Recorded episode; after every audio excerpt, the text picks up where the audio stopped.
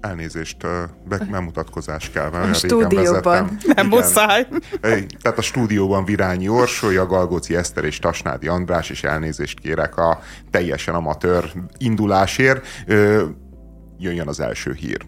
Jogi értelemben megerőszakoltak minket, és ha valakit jogi értelemben megerőszakolnak, arra kényszerítettek, hogy elfogadjon valamit, ami nem tetszik, akkor hogy lehetne kompromisszumra és megállapodásra jutni?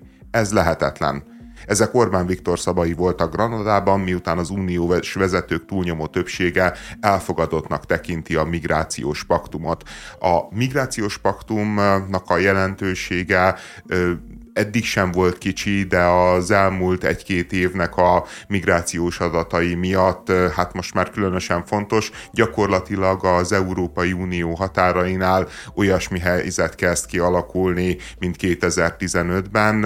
A 2015-ben valami 1,2 millió illegális migráns próbált bejutni az Európai Unióba, az előző évben olyan 1 milliónál tartottunk, és ez az év ez valószínűleg rosszabb lesz annál, ez az egyik fontos aspektusa ennek, hogy, hogy van jelentősége, van tétje ennek a vitának, mert, mert tényleg tömeges a bevándorlás, és nyilvánvalóan szemlélve a nemzetközi helyzetet, a klímaváltozás, stb. stb. ez csak rosszabb lesz. A másik része az ugye, hogy a, de az Orbán Viktor utal, hogy volt egy megállapodás az Európai Tanácsban, be megállapodtak a kormányfők abba, hogy migrációs kérdésben egyhangú döntést hoznak, majd az uniónak a különböző kis fogaskerekei lassan elkezdtek őrölni, és ennek az őrlésnek lett az az eredménye, hogy valamikor talán olyan fél évvel ezelőtt az uniós belügyminiszterek tanácsa előtt megjelent egy migrációs paktum nevű dokumentum, amely migrációs paktum nevű dokumentumot megszavaztak többségi alapon az uniós belügyminiszterek, Magyarország, Lengyelország és még néhány ország ellenállása ellenére, és és az Európa Tanács meg azt mondja, hogy tehát az uniós miniszterelnökök meg azt mondják, hogy, hogy hát végül is már van egy megállapodás, ez a döntés ez már megszületett, ezt már kiérlelték, innét kell tovább lépni, innét kell tovább indulni, és, és gyakorlatilag úgy néz ki, hogy erről többségi szavazás az Európa, vagyis egyhangú szavazás az Európa Tanácsban vagy az Európai Unióban nem lesz, ezt sérelmezi az Orbán Viktor, egyébként szerintem jogosan. Igen, csak ez azért furcsa, szerintem, mert valami olyasmit sérelmez, amit ő rendszeresen csinál. És talán ez fáj neki a legjobban, tehát amikor szánunk valakit egy pozícióra, de nem megfelelő a személye, ezért törvényt módosítunk, például, tehát hogy elkezdjük úgy alakítani a rendszert, ahogyan az nekünk jó, és hogyha kell, akkor jogilag erőszakoljuk meg ezeket a dolgokat. Ez az ő eszköztárának szerves része.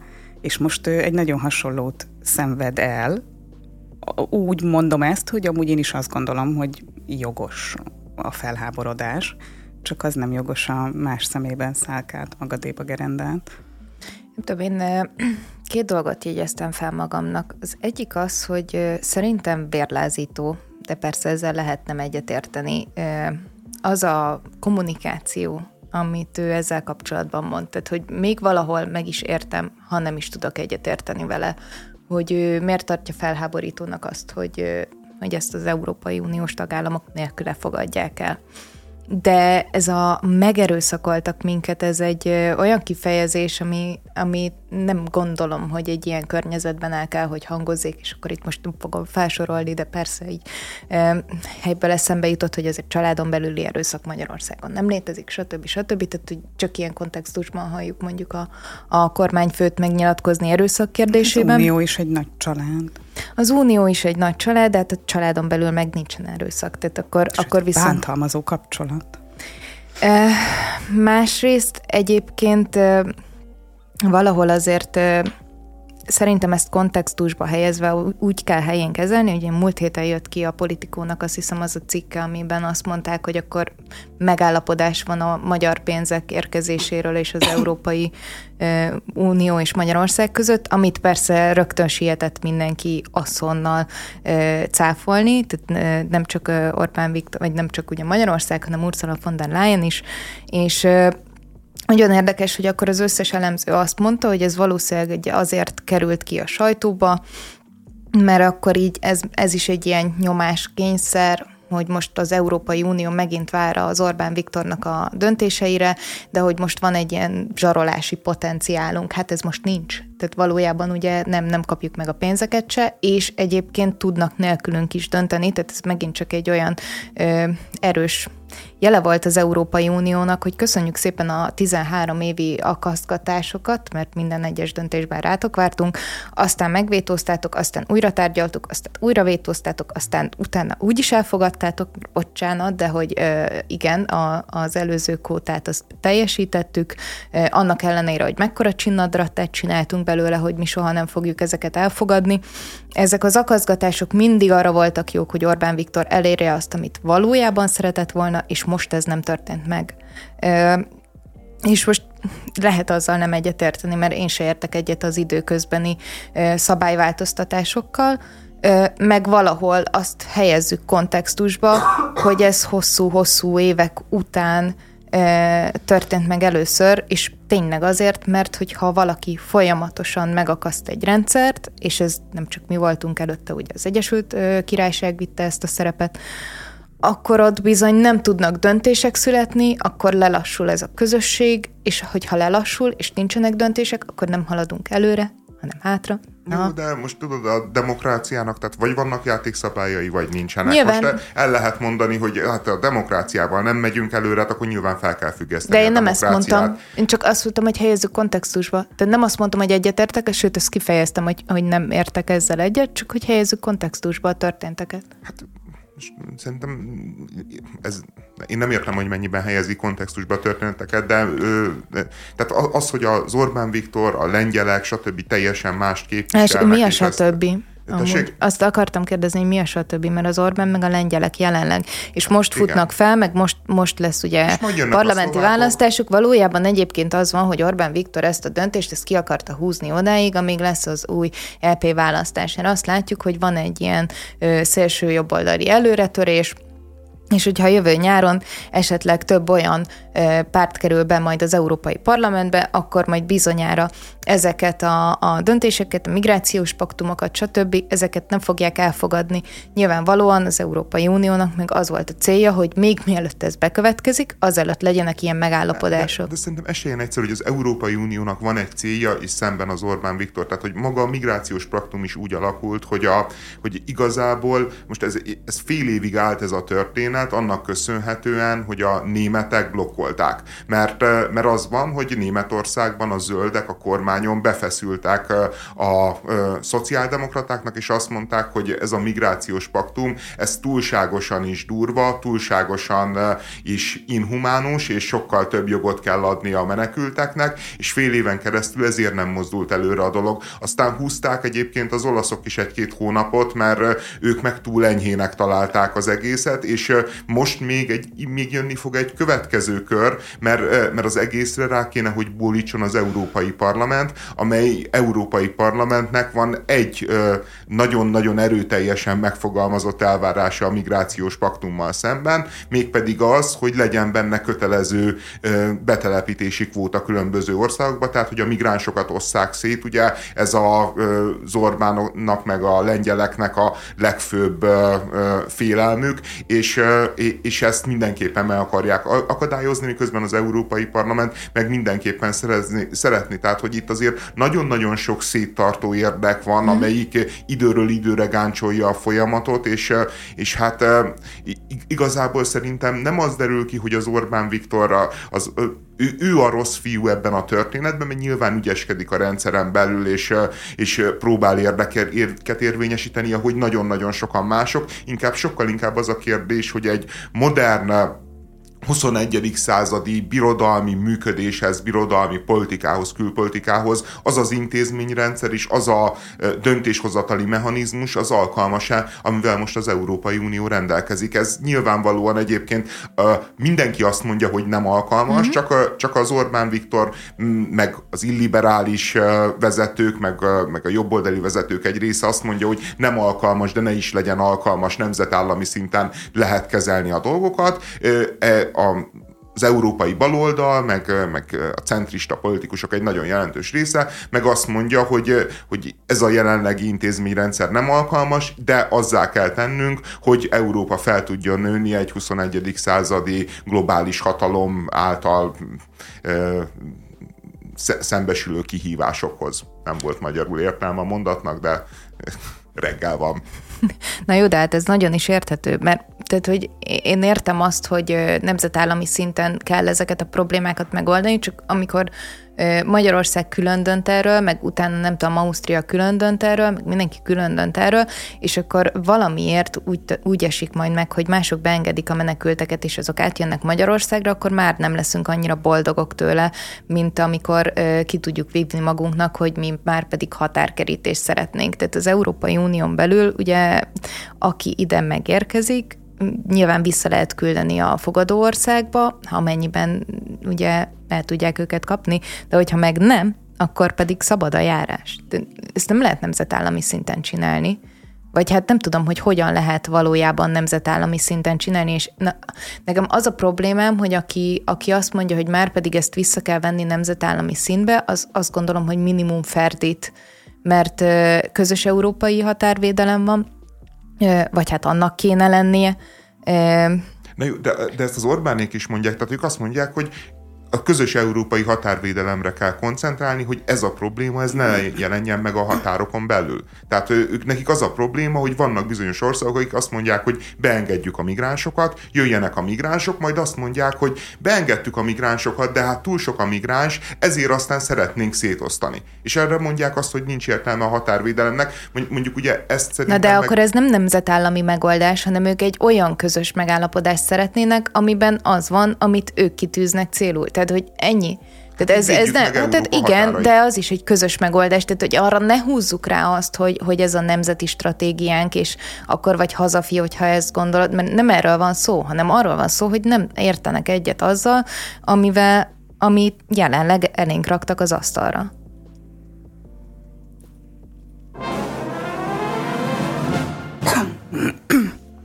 Megszakította a Népszavának adott videóinterjúját Böjte Csaba, Ferences rendi szerzetes, akit augusztus 20-án magyar becsületrendel tüntettek ki. A Népszava munkatársa először a díjról kérdezte, majd rátért a nevelői hálózatában tapasztalt korábbi szexuális visszaélésekre is, végül az egyházi működésben tapasztalható visszaélésekre, a világszerte ismert pedofil ügyekre, tabusításra próbált rákérdezni, amikor Böjte Csaba leszette a mikrofont, és bármi után közölte, hogy beszéljünk, beszéljünk, végül elsétált. Mm. Ti felháborodtatok azon, ami, ami történt, amit én nem teljesen értek. Tehát én, én azt láttam, hogy a Bőjte Csaba az próbál válaszolni a kérdésekre, és, és az újságíró az... Kérdésekkel hát, provokálja ne, nem, nem, nem arról szólt, hanem arról szólt, hogy feltette a kérdést az aklatási ügyekkel kapcsolatban. Bőjte Csaba elmondta maga álláspontját, amit egyébként lehet vitatni, tehát nem, én nem uh-huh. tudom, hogy úgy volt-e vagy nem volt úgy, de ő elmondta azt, hogy amikor ő szembesült ezzel a problémával, egyből rendőrséghez fordult, és elmondta azt, hogy ezer alkalmazottja van ennek az alapítványnak, és hogy az ezer alkalmazottban van egy ö, ö, ilyen személy, abból ne az egész alapítvány működésére vonjunk le következtetést, szerintem ez egy elfogadható mm-hmm. és, és re, reális érvelés. Utána szóba került ugye az egyház, ugye általában, meg az egyházi pedofil ügyek, erre elmondta a Bőjte Csaba, amit szintén lehet egyébként vitatni, hogy hogy szerinte az egyházon belül sem gyakoribb ez a probléma, mint sok más szakmában, és a taxisofőröket nevezte a meg. Párizsi, a párizsi taxisofőröket. Bo- bocsánat, a pedagógusokat, a taxisofőröket. Igen, jött egész igen. korrekt felsorolást adott, hogy mindenhol máshol gyakorlatilag több a pedagógus. Azt mondta, hogy statisztikailag sokkal több a taxisofőrök és a tanárok közötti ilyen esetek száma, mint az egyházi. Ezt nem tudom, melyik intézet mérte, de hogy van egy ilyen statisztika szerinte. Igen, ő, ő azt, azt mondja egyébként a magáról, a családon belül erőszakról, ugye hát az, azért elég ijesztő számok vannak, amikor a látenciát próbálják be, uh-huh. becsülni, és szerintem ő ebből, ő ezekre a tanulmányokra célzott, amik azt, azt becsülik, hogy egy átlagpolgár, egy átlag ember, aki sem, semmilyen egyháznak nem tagja, az, az is, hogy mondjam, ott is azért sajnos de szerintem sokkal, ebbe igaza sokkal van. Gyakor... De ebbe, én ebbe, szerintem ebbe csak nem ez volt a kérdés. Jó, tehát de, ő nem arra válaszol, de, de szerintem igaza van abban, amit mondott, igen. De, tehát, hogy, de, de miért? Hát az volt a kérdés. Azt mondta, hogy itt az egyházzal van ebben, és azt mondja, hogy az egyházzal Nem, azt kérdezte van az újságíró, hogy az egyházzal van ebben. Az újságíró arról próbált beszélni, hogy van egy rakat olyan ügy, szerte a világban, nem Magyarországon, még mondta is, hogy vonjunk most le mindent, vagy hántsunk le mindent, ami az alapítvány körül van, és arról próbáljunk meg beszélni, hogy az egyházban előforduló visszaélések, amiktől tizenéve hangos minden, hogy, hogy arról például miért nem beszélünk, hogy jól érzékelhető-e az, hogy van-e mögött egy tabusítás. Ő ezt vetette föl, és erre a kérdésre, meg ezekre, hogy erre a témára taxisofőrökkel, tanárokkal, minden mással jönni, ami nem az egyház, az egy terelés. Miközben én is azt gondolom, hogy a Bőjte Csaba valaminek az arca, valaminek a vezetője, ő tényleg egy egyházi személy tényleg belül van, tehát szerintem fontos lehet a véleménye, fontos lehet a rálátása. Erről érdemes lenne beszélnie neki is, ahogy beszélnek még sokan, vagy próbálnak beszélni. De, de ő azt gondolja, neki az az álláspontja, hogy itt nincsen semmi látnivaló, az egyházzal nincsen nagyobb probléma, mint bármilyen más szervezettel, és, és erre hozza a maga példáit, és ezt elmondja. Csak a családon belüli erőszakot keverni a pedofíliával, az sem ugyanaz. Tehát amiről ő beszél, hogy mik történnek a családokon belül, ö, hogyan bántalmaznak például gyerekeket, vagy hogy a taxisofőrök mivel szembesülnek, meg a tanárok, ez nem feltétlenül ugyanaz, mint a kiskorúak szexuális zaklatása, ebbe, ebbe amik teljesen, az egyházban előfordulnak. De ő ezt a kérdést kerülte ki, és terelte. Nem, ezt a kérdést nem tette fel az, az Nem jól tette fel, azt egyébként... Nem, az... nem, nem, tehát nem tette fel ezt a kérdést, tehát hogy a Bőjte Csaba valamire válaszolt, és erre azt mondta az újságíró, hogy hát itt nincsen valami tabusítás, nem érezded, hogy... Hát, jó, de, azért nem, nem, de nem hogy, így, de azért de, ezt tegyük hozzá. Hát, nem jól tette fel, azt én is akartam mondani, hogy amúgy mindkét fél részéről, hogy azért ez nem egy említésre méltó interjú, tehát az újságíró is szóval érdekesen is tette fel a kérdéseket, meg az stílussal is hagy kívánni valót maga után.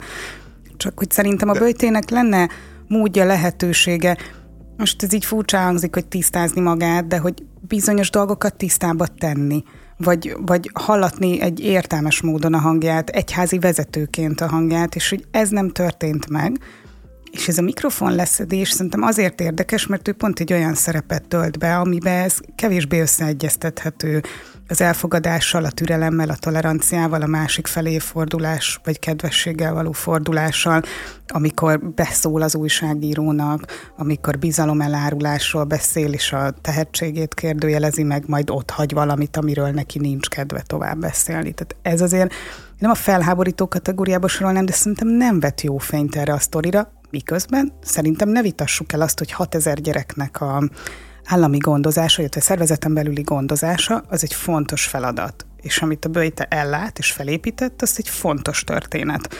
Nem tudom, hogy rendszer szintű problémát kell levonni azokból az ügyekből, amik vannak. Azt nem szeretném megkérdőjelezni, hogy mindaz, amit ő csinált, az egyébként létjogosultságát tekintve fontos.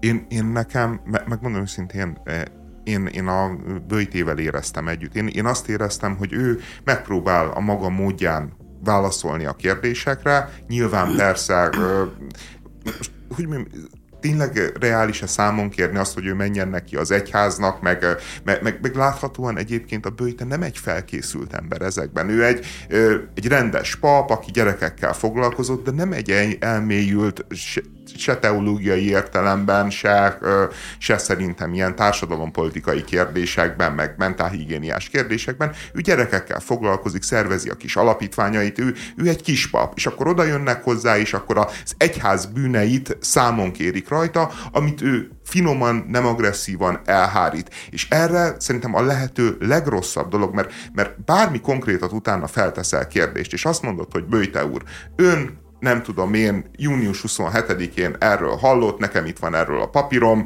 és nem tett feljelentést, vagy ö, mit tudom én, mondja azt, hogy ö, ö, a katolikus egyházban, New Yorkban ez és ez a visszaélés van, mi erről a véleménye. Ezek kérdések, amikre lehet válaszolni, amikor ilyen sejtetések vannak, hogy hát itt van valami tabusítás. Nem érzi, nem érzi, hogy itt van valami tabusítás. Erre azt, hogyan azt kérdezte, hogy van tabusítás, itt, itt van valami tabusítás, és erről talán jó lenne beszélni. És erre még a Böjte Csaba is először azt mondta, hogy, hogy igen, beszéljünk, beszéljünk, beszéljünk, és, és utána leszette a... És, és mi a kérdés? De nincs, nincs, és utána nincs leszette kérdés. a mikrofont, közölte, hogy e, ezt nem hajlandó tovább folytatni, majd vállon veregette az újságírót, hogy hitvány újságíró vagy. Mert, mert, mert ére, érezte, hogy inkorrekt az egész dolog, tehát hogy ő, ő próbált együttműködő lenni, de, de látja azt, hogy, hogy erre a kérdés, hogy itt van-e valami tabusítás, most azt lehet mondani, hogy van tabusítás, akkor azt jelenti, hogy Bőjte Csaba bevallotta, hogy itt tabusít az egyház zaklatási ügyekbe. Ha azt mondja, hogy nincs tabusítás, akkor meg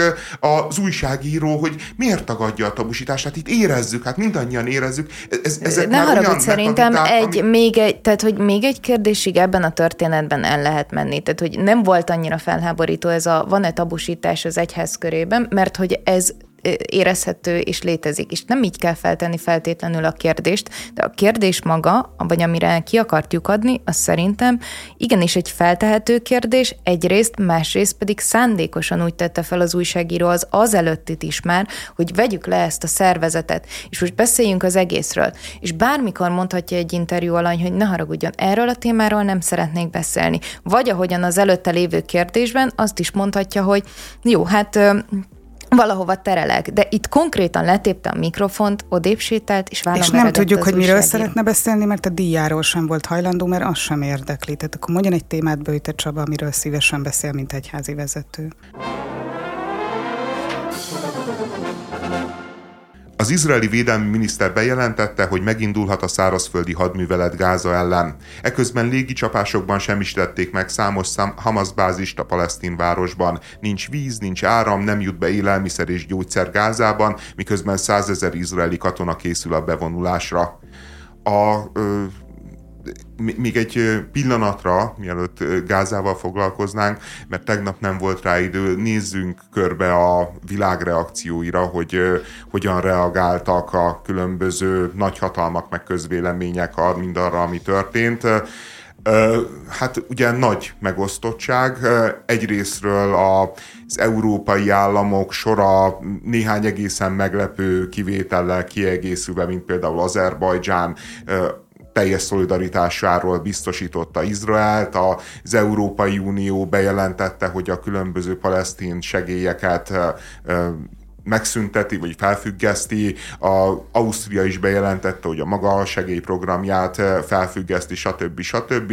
Illetve az Egyesült Államok eh, a flottát eh, Izrael partjaihoz küldte, és bejelentette, hogy akármi történik. Nyilván ilyenkor arra számítanak, hogy ezt az űrzavart kihasználva valamelyik nagyobb arab ország esetleg vagy Irán neki megy Izraelnek, és ezt akarják elkerülni.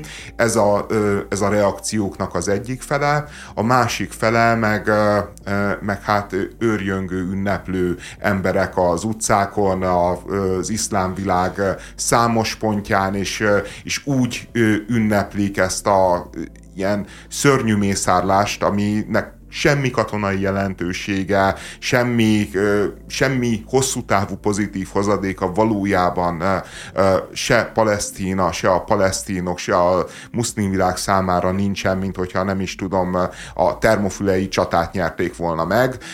Másrészt Európa nagyvárosaiban is kiömlettek a palesztin szimpatizáns, általában bevándorló hátterű tömegek, akik éltették a Hamasnak a tettét.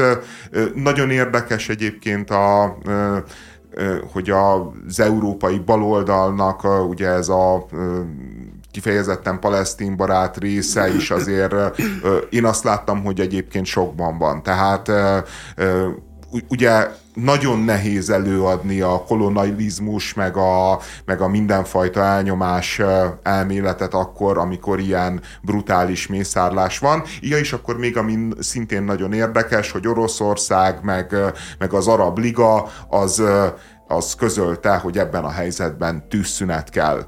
Tehát, hogy oda mennek, lemészárolnak, elvisznek 150 embert, túszként tartanak fogva, és erre béke. a megoldás a tűzszünet. Orbán Viktor sem mondhatta volna egyébként szebben, bár ő, ő még nem mondott, de ki tudja, hogy mit szülnek meg a Kármelitában, hogy, hogy legyen, legyen béke. Legyen béke, hát persze. Hát Szerintem ez... ez most így működik. Igen. Fú, elő ne jöjjön ezzel. Hát tényleg. A másik, ami, ami érdekes kérdés, szintén még mielőtt Gázáról beszélnénk, hogy, hogy mi történik a a nagyvilágban olyan értelemben, hogy mindenki azt nyomozza, hogy kinek lehetett az érdeke, mi vezethetett oda, hogy, hogy ez megtörtént, és ki profitál belőle hosszú távon, és kik a vesztesei. És hogy történhetett meg? És hogy történhetett meg. Igen, itt is azért konteók sora van. A, ö, ö, ugye, a, hát de mit csinálsz mást? Mármint tehát, hogy, hogy most, most érzem azt, hogy nem nagyon tudsz más tenni, mint konteózni ezzel, mert, Persze, de mert azt elhinni, kell. hogy, be, tehát, hogy berosdásodott az izraeli hírszerzés, ez nagyon nehéz. De szerintem azt is el lehet hinni. Tehát ö, ö, ö, én például azt gondolom, hogy nagyon is elképzelhető az, hogy egész egyszerűen Izrael, amelyik egyébként egy technológiai nagyhatalom, valószínűleg a hírszerzésében is ezeket a kütyüket, okos eszközöket elképesztő ö, nagy számban használja, és, ö, és simán elképzelhető, hogy egész egyszerűen ö, a digitális világban folyik ma már a Hamas működésének egy nagyon-nagyon jelentős része. És a beszivárgás nem veszik észre, ami fizikai síkon zajlik. Meg de, lehet azt oldani. Egyébként szerintem milyen a... Beszivárg, de milyen beszivárgás? Hát ez egy ilyen mennyiségű, mondjuk palesztin terrorista megérkezzen például egy fesztiválra, vagy elinduljon ja, de oda. Ne, Tehát, hogy érted? De ne, nem, ez... a titkosszolgálat nem ott hibázott, hát áttörték a falat, tehát az, az már ott már a hadsereg nem reagált időben. A titkosszolgálat ott hibázott, hogy, hogy gondold el, legyártottak sok ezernyi rakétát, kiképeztek sok száz embert, megszerveztek, logisztikát csináltak, fegyvereket mm-hmm. ehhez az akcióhoz. Ez, ez, ez olyan, olyan És mérték, ebből semmi nem tűnt fel. És ebből hát de... úgymond semmi nem tűnt fel, ami tényleg furcsa, de, de nyilvánvalóan erre mondják egyébként, hogy ez az, amit a palesztinok nem tudtak volna önerőből megtenni. Igen, itt és inkább ez a, ez a része az érdekes, tehát nem, vagy hogy, valahol még még elhihető az, hogy, hogy valószínűleg Izrael... az iráni titkosszolgálatok azok, amik segítettek ezt, ezt az elképesztően bonyolult és összetett logisztikai műveletet. És baromi sok fegyvert. Logisztika, és... fegyver, pénz, tehát hogy azt a mhm. Hamas valószínűleg magától nem tudta összerakni. Nem itt, hogy ha már konteózni kell, akkor ebbe az irányba ja, induljunk el. Persze. Inkább. Igen, a, egyébként na, nagyon érdekes, hogy a, a Egyiptomból meg olyan hírek jöttek, hogy, hogy az egyiptomi sajtó lehozta, hogy valamelyik titkosszolgálati tábornokuk azt nyilatkozta, hogy ők egy héttel ezelőtt figyelmeztették Izraelt, hogy mi történik, vagy mi fog történni, mi várható, és hogy le, lesöpörték az információt az izraeli illetékesek, a Netanyahuék meg cáfolták az egészet, hogy nem igaz, nem kaptak semmilyen ilyen típusú információt. Tehát a, a konteóknak nyilván sűrű uh, uh, érkezése lesz a következő hetekben, de azért szerintem a, a, az, hogy kinek az érdeke, az alapján azért sok mindent el lehet dönteni, meg, meg meg, meg nagyjából ki lehet tapintani. Tehát, hogy az biztos, hogy, hogy az a külpolitikai helyzet, hogy Izrael az elmúlt években nagyon komoly diplomáciai sikereket tud felmutatni. Ugye hosszú-hosszú évtizedeken keresztül egyetlen arab állam volt, amelyik elismerte Izraelt, és amivel diplomáciai kapcsolata volt az Egyiptom, és az Ábrahám egyezményekkel ez, ez kiszélesedett. És a támadás előtt egy 8-10 órával szivárgott ki a sajtóban, nyilván egyébként ezt már e, tudták a különböző döntéshozók előbb is, a támadás előtt 8-10 órával e, e, szivárgott ki, hogy Izrael egy ilyen típusú egyezményt készül aláírni Szaudarábiával. Ami, a, a, ami azt jelenti, hogy, hogy el is érkeztünk az újabb Conteo állomáshoz. De, de, de ez se igazán a Conteo, mert, mert uh, ahol a, ameri, olyan amerikai sajtótermékekben jött ki ez a hír, amik azért komolyan vehetők, tehát nem a blikbe. Tehát, hogy uh, tudjuk, hogy vannak ilyen tárgyalások. És leszóltad is... a blikket. Hát igen, a blikket leszóltam, de hát így jártak. Uh, a, uh, te, tehát, tehát, hogy ez egy abszolút létező narratíva, és, és az van, hogy, hogy Irán, amelyik ugye rivális a Szaudarábiának, és, és halálos ellensége Izraelnek, az ő Irán szempontjából ez egy iszonyú veszélyes precedens és megállapodás lehetett volna. Tehát, hogy ez elvezethetett volna, tehát egy szaudi-izraeli béke megállapodás, vagy kölcsönös elismerés az a közel-keleti rendezésnek, békének, ha egyáltalán valaha is lesz ilyen, az biztos, hogy az a kő, ami, ami kell hozzá. Tehát enélkül nincsen. És, és most elérhető közelségbe került, és erre az elérhető közelségre jött a véres mészárlás. Ami után nyilvánvalóan egyébként Szaudarábi, tehát nyilvánvaló, hogy Izrael vissza fog vágni, és nyilvánvaló, hogy a szaudi vezetés nem fogja tudni aláírni ezt, a, ezt az egyezményt, akkor is, hogyha ők alá szeretnék írni, akkor is, hogyha tudják, hogy egyébként ez lenne mind a két országnak az érdeke, mert amivel nem lehet szembe menni, és amivel nem tudnak szembe menni, az pont az az írtózatos tömeg, amit láttunk a, az utcákon ami, akik ünnepelték a, a Hamasnak a diadalát. Tehát ez az, amivel szemben nem tud ö, ö, pozíciót felvenni ezeknek az országoknak a politikai elitje. És, és az a helyzet, hogy Szaudarábia is le fogja tenni a fegyvert, mert, mert nem tud az ilyen típusú népharaggal, meg, meg népítélettel szembe menni, és ezzel szemben politizálni. Jó, akkor a következő érdekesség, hogy Egyiptom ami szintén egy fontos szereplője ennek a történetnek. Ugye az az ország, amelyik jóba van Izrael, az az arab ország, elismeri Izraelt, ott is látjuk egyébként, hogy a közvélemény szintjén nagyon-nagyon más a politikai realitás, mint az izraeli hadsereg, meg az izraeli politikai, vagy az egyiptomi hadseregben, meg az egyiptomi politikai elitben. Egyiptomban történt meg egyébként, hogy a Hamas támadás sok után pár órával egy izraeli turista csoportot megtámadott egy egyiptomi rendőr, és megölt két izraeli turistát, meg, meg az egyiptomi idegenvezetőjüket. Tehát elképesztő indulatok vannak ott is. Tudjuk, Egyiptom is olyan ország, ahol eh, ha, ha szabad választásokat rendeznének, akkor körülbelül 60-70 százalékkal nyerne a muszlim testvériség. Az a muszlim testvériség, amelyik egyébként nagyon-nagyon szoros ideológiai rokonságban áll a Hamasszal. És ennek köszönhető egyébként, hogy Gáza meg Gázának igazából ilyen értelemben nincsen hátországa, hiszen neki van egy rövid határszakasza Egyiptommal, ahol van egy határátkelő, de az a helyzet, hogy ezt a határátkelőt az egyiptomiak igyekeznek lezárni, vagy nagyon-nagyon korlátozni a forgalmát, mert egész egyszerűen nem akarják, hogy Hamas harcosok beszivárogjanak a sínai félszigetre, ahol folyamatosan háborúban áll a hadsereg a, az egyiptomi muszlim testvériségnek a katonai szárnyával. Tehát, tehát Gáza egyébként úgy van most elszigetelve is ostrom alatt, hogy, hogy gyakorlatilag egyetlen oldalán sincsenek szövetségesek.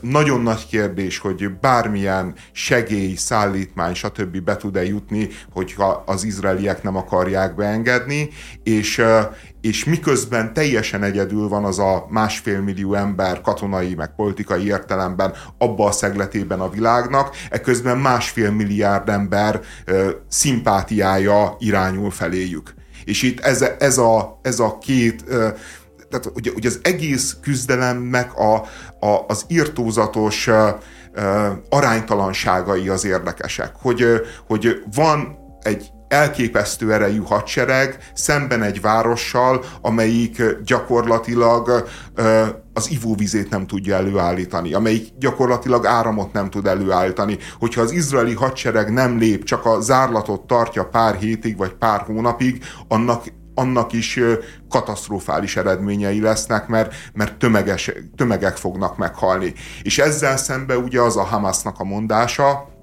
ami, ami szintén valahol rémisztő, hogy, hogyha nem áll le az izraeli hadsereg a bombázásokkal, nem áll le a, a, a zövezetnek a blokádjával, akkor elkezdik kivégezni a 150 túszt, és nem csak, hogy elkezdik kivégezni, a fenyegetésnek az is lényege és része, hogy, hogy ezeket nyilvánosan fogják ezeket a szerencsétlen embereket megölni, és feltöltik az internetre. És innentől ennek nincs vége. Tehát, hogy nem tudom, hogy hol tud erre pont kerülni mert egy ilyen adokkapokban nem újra bejönni egy adokkal és egy kapokkal, az képtelenség. Nem, és de, de egy ilyen zsarolásra nem, nem is lehet, lehet engedni. Nem lehet. Tehát, hogy, hogy a, az a baj, a, hogy abban a pillanatban, hogy egy ilyen zsarolásnak engednek, akkor azt mondják, hogy jó, hát végül is, hogyha terrorszervezetek terrorcselekményeket hajtanak végre, akkor így mi hátrébb álltunk, és nem csinálunk semmit, nincs erre válasz. Amitől pedig ugye megszaporodnának ezek az események, ami nem tudom, hogy hol kulminálódna végül. Igen.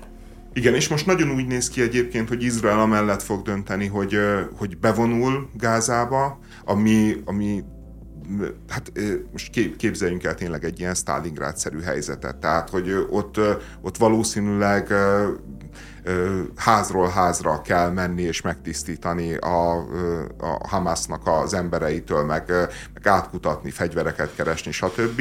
És utána, miután megszállták Gázát, remélhetőleg a terroristákat elkapták, a túszokat kiszabadították, ugye ez a lehető legnaívabb és legábrándosabb gondolat. Ez sem fog megtörténni. Tehát, hogy így nem tud megtörténni. Ahogyan így tökéletes képben meg tudjuk írni, tehát hogy nyilván nem tudsz mindenkit elkapni, és nem tudod csak őket elkapni. Tehát, hogy ez megint egy olyan az adokkapoknak az a része, ami csak erősíteni fogja ezeket az eseményeket.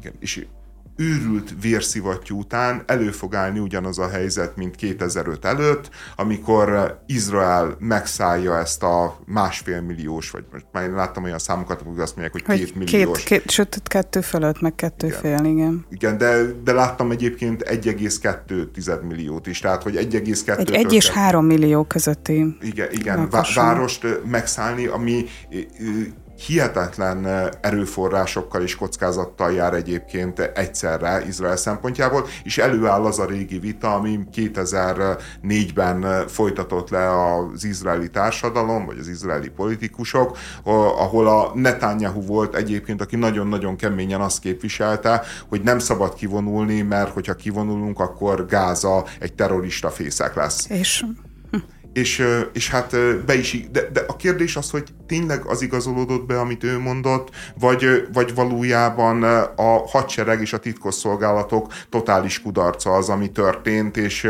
és, és ez volt a jó politika. Én, én, én neke, nekem az az, én, én általában azt, azokat a helyzeteket nem szeretem a világba, amiknek tényleg nem látszik megoldása. Nem látszik megoldás, hogy ezzel a másfél-két millió emberrel, aki, aki gyűlöli Izraelt, bizonyos értelemben jogosan gyűlöli, meg lehet érteni az ő fájdalmukat, az ő szerencsétlenségüket, az ő szenvedésüket.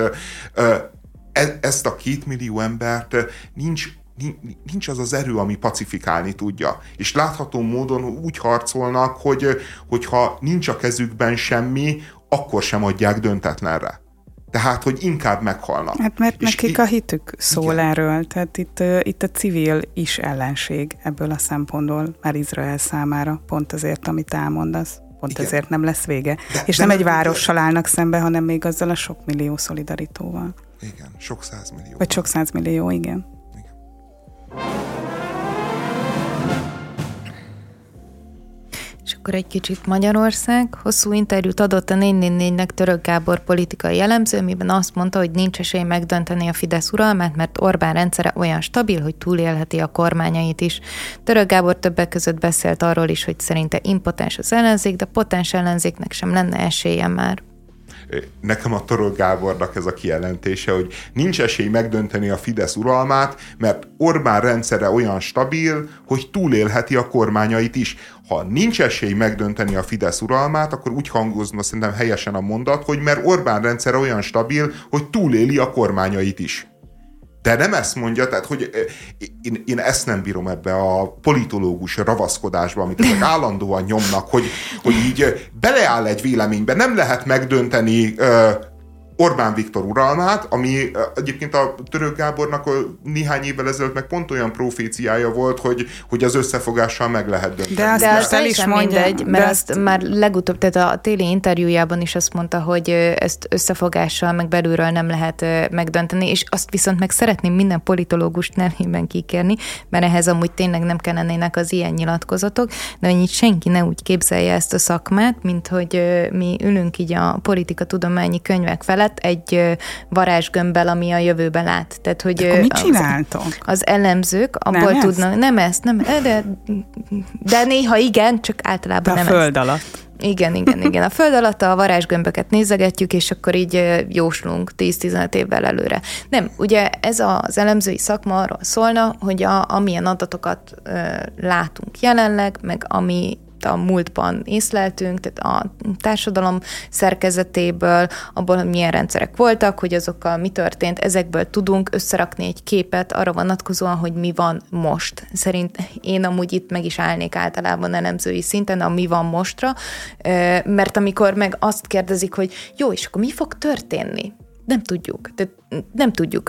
Vannak közénykutatások, amikből valamit lehet következtetni, már amennyiben azokat elhisszük, de azt senki nem várja egy, egy, egy politikai elemzőtől, hogy előre húsz évre megmondja, hogy mi lesz egészen biztosan, százszerzelékosan és szóról szóra. De mindig, egyrészt mindig minden szakértőtől ezt várják, hogy hogy Kasszandrába menjen át.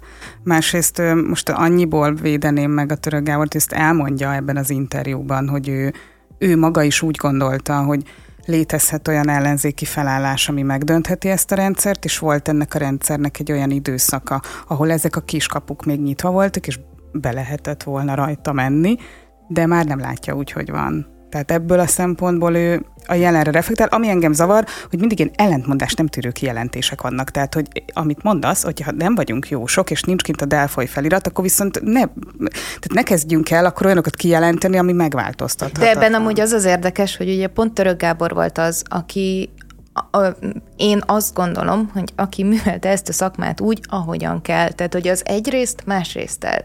Mindig nézzük meg a dolgoknak a, a több oldalát, és ne csak az egyiket, és ne csak ne álljunk be valamelyik oldal mögé, mert amúgy igen, mindenki elő tud szedni olyan adatokat, ami a saját igazát fogja igazolni. Tehát ez, e, erre bármelyik politológus képes lesz. Török Gábor mindig egyrészt más részben beszélt, amiért ő évekig kapta az évet, hogy ezt nem lehet, hogy ebben a rendszerben valahova tagozódni kell, hogy ez nincs, hogy, hogy több oldalról vizsgálunk meg dolgokat. Amivel én soha nem értettem egyet, mert szerintem tényleg ezt így kell rendesen csinálni, és azt is gondolom, hogy azért nagyon sokszor, a, amikor egy ilyen elemző, mint ő tesz egy ilyen nyilatkozatot, akkor az egy megint más kérdés, hogy azt az újság hogyan fogja lefordítani, hogy azt az olvasó hogyan fogja lefordítani. Tehát nekünk már nem elégséges az, hogy ő azt mondja, hogy hát hogyha innen nézem, akkor igen, ez a rendszer, ez megdönthetetlen, még akár az történhet, hogy, hanem kell az erős mondat. Megdönthetetlen. Kész, punktum, nincs vita.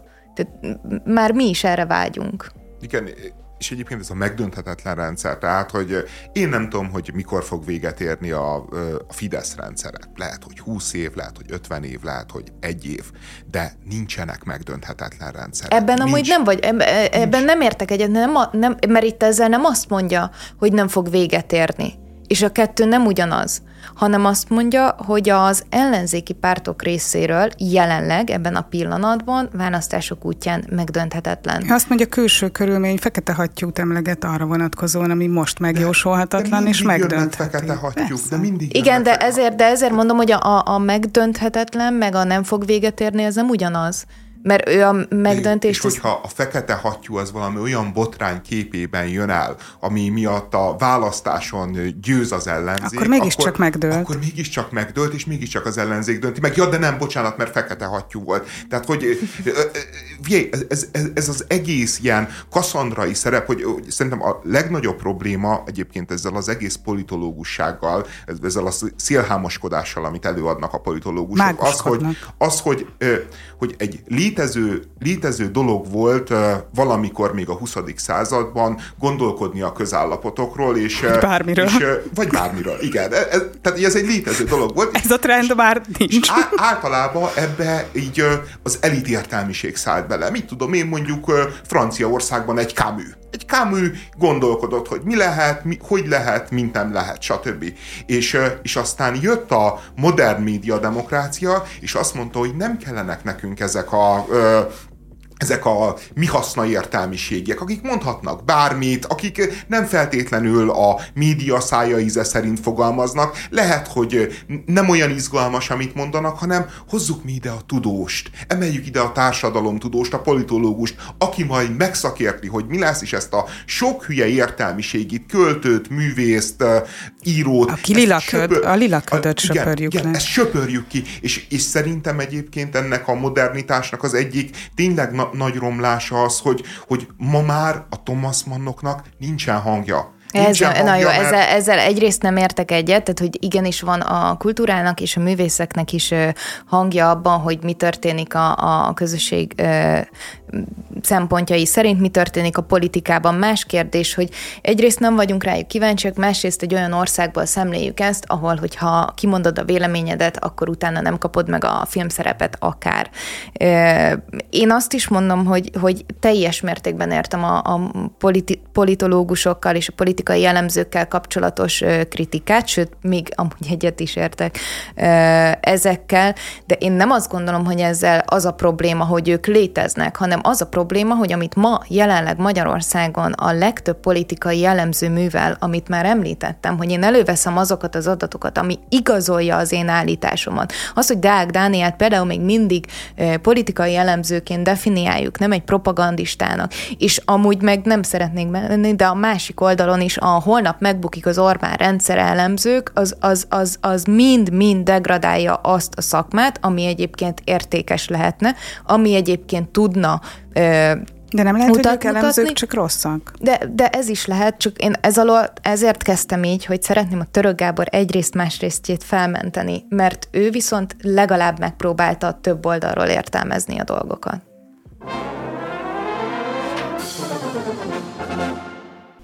Múlt héten is színházban jártunk, az opera beavató másik előadás sorozatának első részét néztük meg. Különleges élmény volt ez, ahol nem csak a nézők nem tudták, hogy merre haladnak majd az események, hanem maguk az alkotók sem feltétlenül, ugyanis uh, már meg volt tíz évad, hogyha jól uh, tudom, és uh, ez alatt a tíz évad alatt sikeresen szedtek szét uh, nagy művészek nagy műveit, úgyhogy most egy ilyen különleges előadássorozatot uh, terveztek.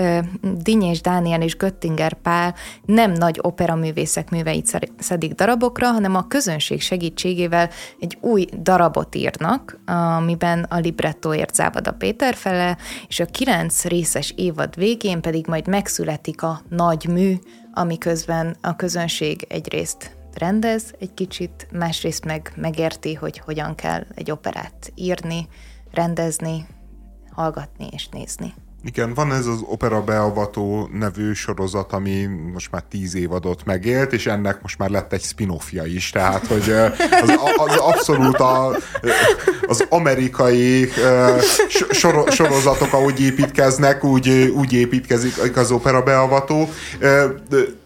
Olyan értelemben tényleg nagyon érdekes, és, és szerintem unikális történet, hogy már maga az opera beavató is, ami megpróbálja közelhozni az emberekhez ezt a műfajt, meg megértetni ezt a műfajt, az egy ö, ö, hát szerintem egy nagyon izgalmas vállalkozás.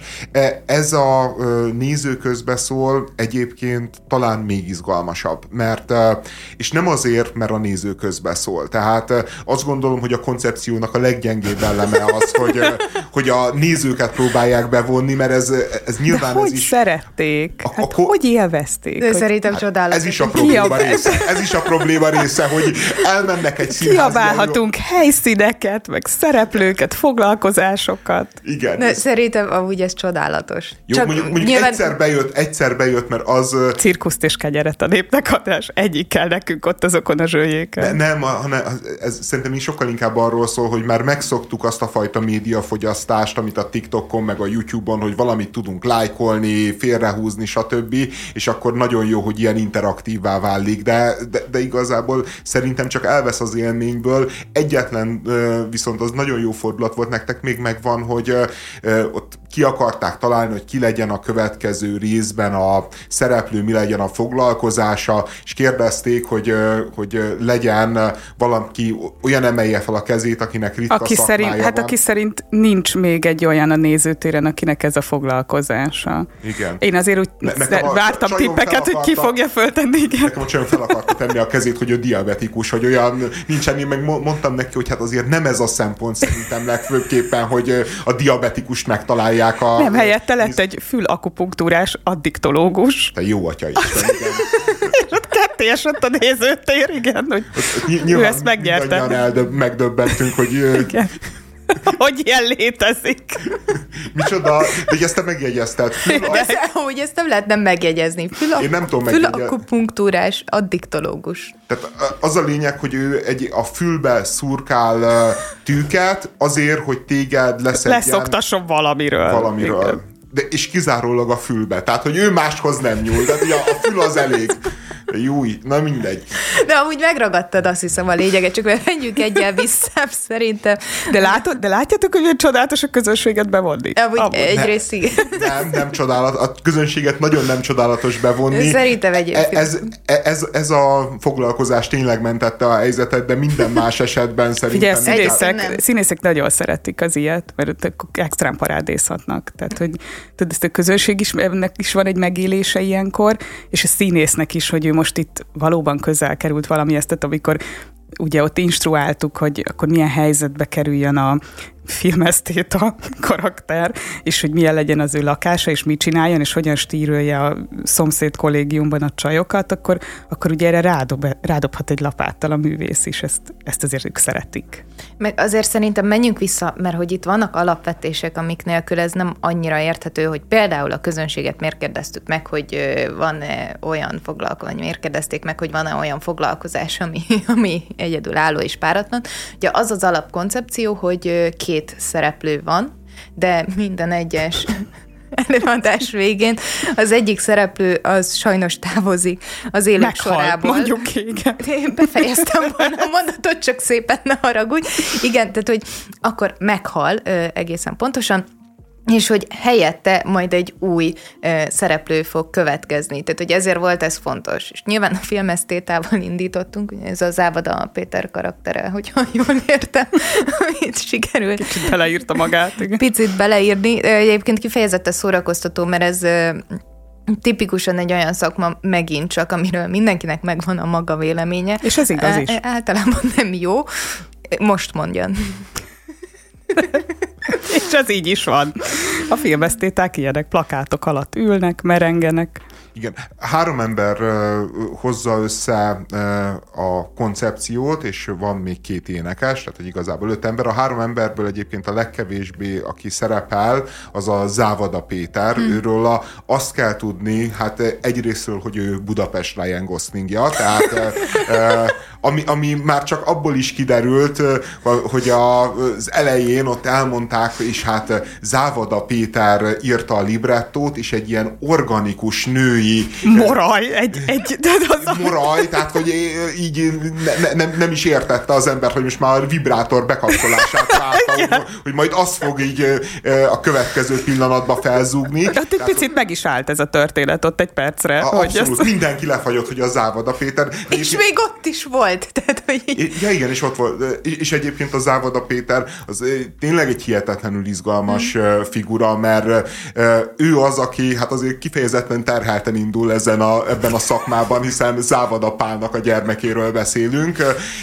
aki, aki hát ugye a nagy magyar író, és, és a Závada Péter meg ehhez képest egy hip-hop projekttel vetette magát először észre. Ő a kezdet fiait csinálta hosszú éveken keresztül, és, és egy hip-hop előadó volt, de hip-hop előadóként borzasztóan népszerű, és ennek ellenére hát beáll az édesapja örökségébe párhuzamosan, és elkezd verseket írni a különböző nagyon kvalifikált irodalmi folyóiratokba, drámákat hangszerelni, a kréta körben dolgozni, stb. Tehát, hogy ő, hogy ő egyszerre a majkának, és egyszerre a, az édesapjának az életét is éli, ami valahol csodálatos, meg lenyűgöző, meg valahol egy ilyen írtózatos tudathasadás is. És Peti, nem... kérlek, ne, ne küldj leveleket, és ne telefonálj be miatt a hasonlat miatt.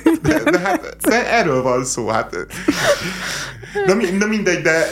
És, és mindeközben a magyar Ryan Gosling. Igen, és, a budapesti. És, és, nyilván persze az emberbe ilyenkor van féltékenység, amikor így látja egy férfi társának az ilyen szintű sikerét. Az összes férfi összeomlott a nézőtéren, én nyilván, figyeltem. Nyilván mindenki összeomlik ilyenkor, persze. Tehát, hogy, hogy látjuk, hogy hova lehetett volna eljutni, hogy így mi volt benne az életben, és, és mi, mi az, vár. ami az álladának sikerült, és mi az, ami nekünk És utána azon drukkolsz, hogy jó, most mindjárt elkezdődik az, amihez neki köze van, és az ne legyen olyan jó, és, és erre még rátesz egy lapáttal, hogy rá, De nem, nem, elkezdődött, amihez neki köze van, és, és így azt éreztem, hogy á, ez az ávada, hogy e, ez, hogy ez is már csak a nevéből él, 41 éves, kiégett, micsoda egy ö, hülye. Hát ilyen, ne, nem tudom én, az volt a, az első néhány závada sor, amit így megismertünk bel, belőle, hogy csöngetnek, és haló, ki van? sietek, megyek már, easy, még azt is mondja ez a szereplő, hogy easy, és, és, és így tényleg így gondolkoztam, hogy te jó Isten, most ezért kellett a závadát felbérelni, most ezért ő még pénzt is fog kapni. Így az Hogyan, de mit keresel te itt a nézőtéren? Amellett, hogy bezsákolja a csajokat, tehát hogy mondom, hogy így, hogy így nagyon durva, és aztán volt egy olyan pillanat a, ebben az opera írásban, amikor van egy, van egy olyan rész az operában, ez ilyen visszatérő operai jellem, na, nagyon utálja szerintem mindenki, amikor azt látjuk, hogy ilyen hadarva énekelnek duettet. Nem tudom, van ennek valami olasz neve? Biztos van. Biztos van. Biztos van, de mi azt szerencsére nem tudjuk. Jó.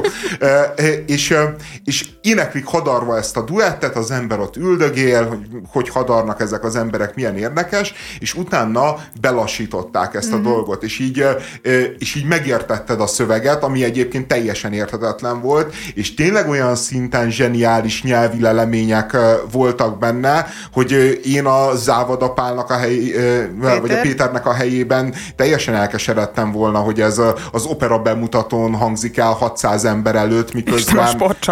Igen, miközben szerintem akár a egy sportcsarnokban is simán De neki megvan az is, meg megvolt az igen, is. Meg megvolt. Igen, csak hogy mindig jönnek ilyen, igen. ilyen jósa, igen, valószínűleg igen, ez, meg, a, ez a zseni. Tehát nem ez az első alkalom, hogy igen. ő mondjuk zenés műhöz ír librettót, műzikelekben is dolgozott, operettekben is dolgozott, operában is dolgozott. Tehát neki ez a típusú sikerélménye megvan, és ahhoz képest meg ez egy blattolás, tehát hiszen ez egy vicceskedés, vagy hogy mondjam, tehát hogy itt, itt egy nagyon kortárs jelenetre kellett azért valamit írni, ahol van egy közös képviselő, van egy filmesztéta, és csinálj nekik egy nagyon hétköznapi szituációt, amire írnak egy operai minőségű zenét és szöveget, és, és tényleg nagyon erős szöveg volt, tehát hogy ott, ott azt érezte az ember, hogy Budapest Ryan Goslingja megérdemli, amit kap, mert, mert azért van teljesítmény, tehát jó, persze féltékenyek vagyunk továbbra is, és Igen. egy kanálvízbe megfolytanánk, de, de, de az a helyzet, hogy, hogy, hogy De a lányok is valami. egymást, ezt pont meséltem nektek, hogy beszélgettem vele, és láttam, hogy más lányok ilyen gyűlölettel, ilyen gyűlölettel néznek. néznek rám, hogy mondtam is, hogy ezt én, én ezt érzékelem, ezt a jelenséget. Nehéz nehéz lehet mindenkinek. Hmm. Jó, hogyha ha itt tovább térhetünk, nem tudom, hogy szeretnénk-e még tovább fényezni Závoda Péter, vagy esetleg az előadásról a részt, magáról is tudunk. szívesen. Jó, hát még, még felhozhatod, hogy ez neked mennyire fájt, és megnyugtathatunk, hogy mi nem feltétlenül vagyunk belé halálosan szerelmesek, hogyha szeretnéd, András. De hogy Ellentétben vele. Nem feltétlenül halálosan. Tehát, hogy ez nem nyugtat meg engem ez a De mondat. hát én Tehát csak a- egy politi- politikai Hát, elemző vagyok, tehát én nem tudok tehát- máshogy fogalmazni, Ja, ja, csak ja. ilyen, tudod, ez a valahogy majd kijön. Én ez a- tudnék, csak nem merek. Igen? Teljesen, tehát mindegy, eltértünk teljesen. De hogy a lényeg, ami miatt szerintem ez nagyon ö, érdekes, ugye mondjuk, és hogyha összevetjük a, a Puccinivel szembe, amit ugye előtte való héten néztünk, hogy azért tud ez talán még közelebb hozni az operához ö, embereket, mert ugye most íródott, ami miatt egy kicsit már bele vannak csempészve egyrészt azok a szövegi elemek, amiket szeretünk, még hogyha az ízin ki is akadunk, de hogy, hogy azért ö, tényleg ö, sokkal közelebb áll hozzánk, a szituáció közelebb áll hozzánk, és egyébként a dallam is, tehát hogy modernizálva van, annak ellenére, hogy egyébként tényleg egy operát hallunk, ö, jobban belemászik a fülünkbe, vagy én ezt éreztem egy picit, hogy ha bár én kb. szeretem az operát, ö, nem hallgatom otthon mosogatás közben, de hogy, hogy amúgy nekem nem fáj Kb. tőle. szeretem, nem hallgatom fáj tőle. mosogatás közben politológus, tehát hogy ő, ő nem hajlandó, nem hajlandó megmondani, Figyelj, hogy nem szereti. Adrás, jó? tehát Adrás, az, eh, tehát, A hogy kb. szeretem, nem hallgatom mosogatás közben, azt nem, jelenti, hogy nem én, szereted. én nekem Úgy- nem fáj úgy tőle a fülem, mint neked, meg én nem szenvedek végig egy előadást, ami, ami, ami erről szól. Tehát, De várja, hogy azért a valahogy- dolgok, tehát hogy nem biztos, hogy ott dőlnek el, hogy mosogatás közben. Tehát, hogy, hogy érzed-e azt az íróasztalod magányában, hogy a Nessum dormára vágysz. Mert hogyha nem, az még nem feltétlenül jelenti azt, hogy nem érzed jól magadat egy operán, vagy nem szereted. Én nem szoktam, én olyan ritkán indítok el otthon operát. Komoly zenét szoktam, de mondjuk azt, hogy egy, ö, mondjuk egy nagy operának a, a zenei anyagát elindítsam, ez viszonylag ritka azért. De Nem. megtörténik. Megtörténhet.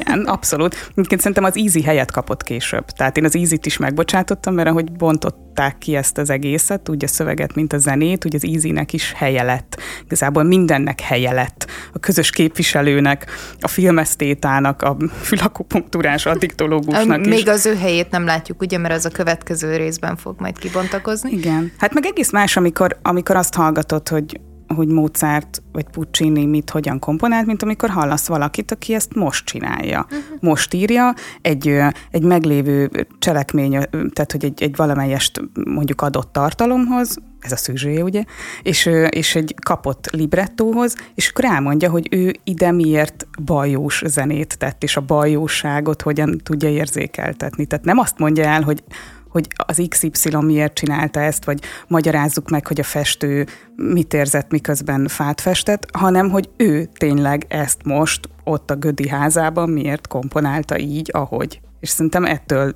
tud tök érdekes lenni, mert hogy ez most tényleg most zajlik, és ott ül a fickó, aki írta a szöveget, és ott áll, aki kitalálta a tartalmat, és mindez ráadásul ilyen stand tehát hogy szerintem Igen, rém hogy- szórakoztató. Hogy, hogy, hogy, a, látjuk a zeneszerzőnek a tényleg direkten szándékát, és megmutatja, hogy mik között dilemmázik, és hogy mégis miért dönt emellett, vagy amellett. Tehát, tehát egész egyszerűen tényleg olyan mélységeibe enged betekintést a, nem is az opera, hanem valójában a zeneszerzés világának, meg a az, igen. színház világának, ami, ami, ami szerintem ne, nekem, aki nem kedveli különösebben a műfajt, vagy nem érti, jó, én is már politológus De te vagyok. is már így, Igen. így fogalmazol, ne haragudj, tehát, hogy mondd Igen. ki, hogy feszegsz, utálod.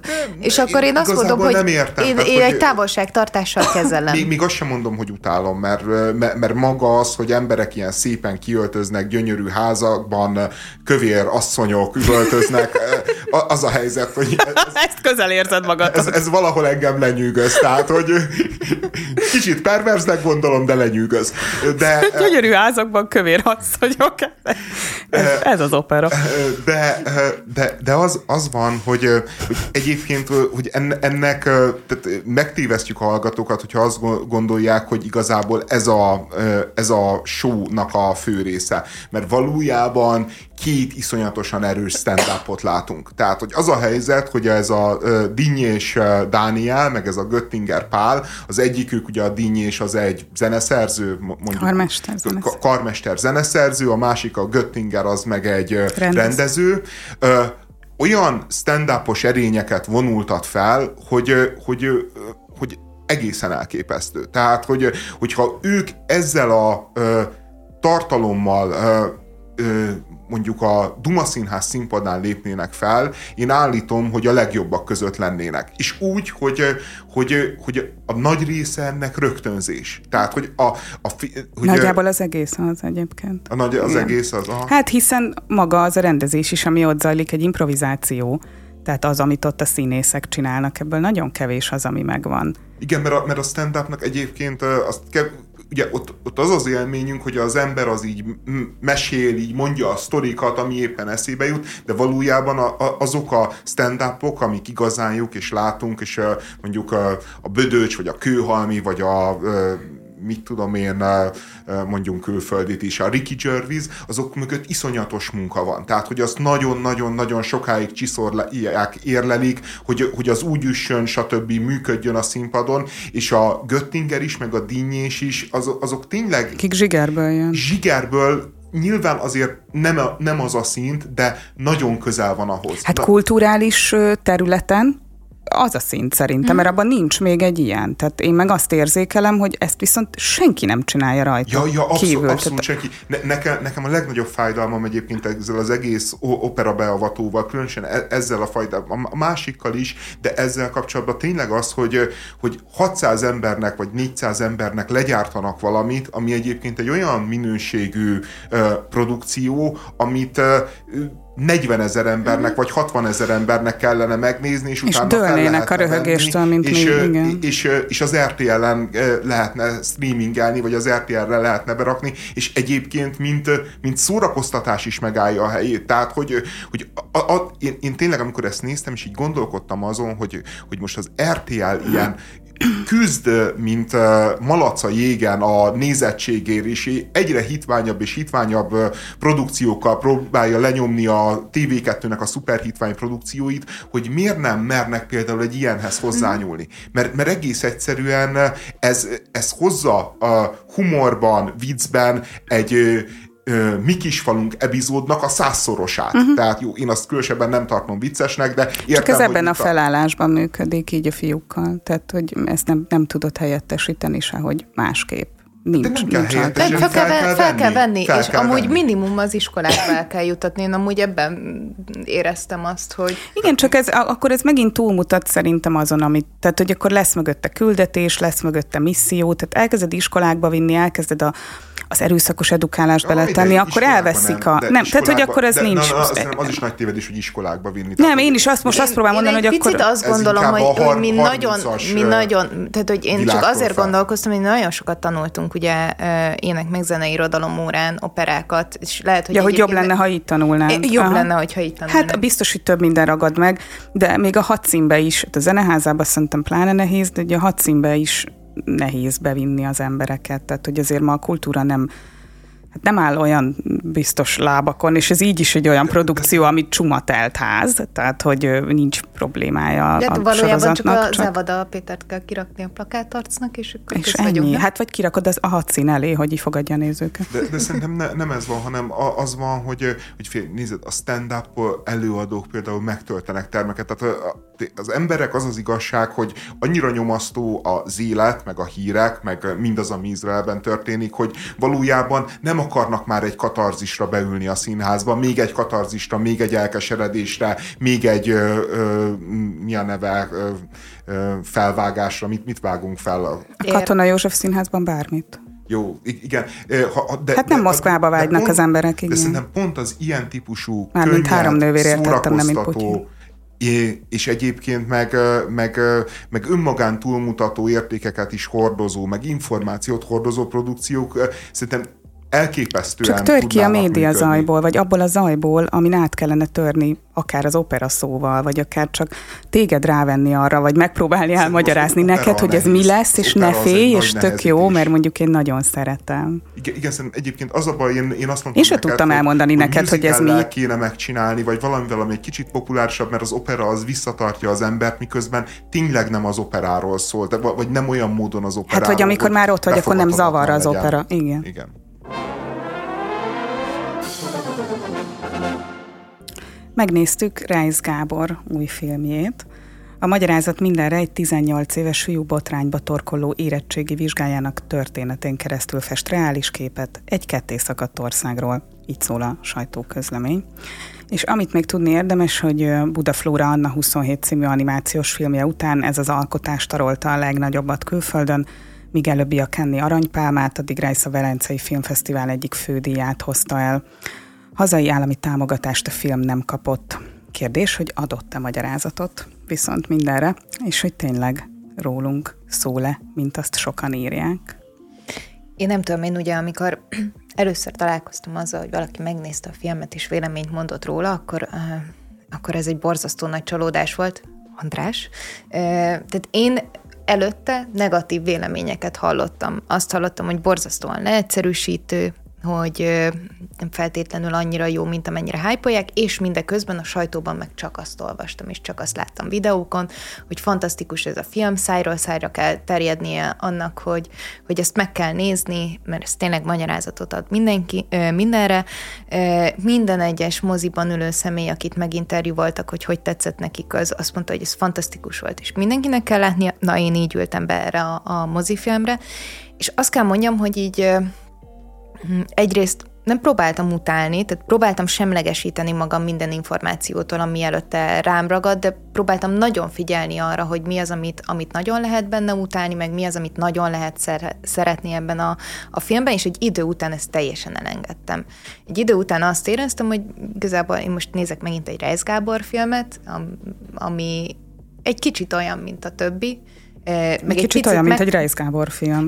Konkrétan, tehát hogy azért nagyon sok eleme van, ami, amire én most már kezdem azt gondolni, hogy Reis Gábornak fétisei vannak. Ilyen a hajcsomó, és ilyen a, a Margit híd. Tehát, hogy, hogy ez valahogyan meg kell, hogy jelenjen. Csak most csellengő 30-asok helyett a 18 évest vettem.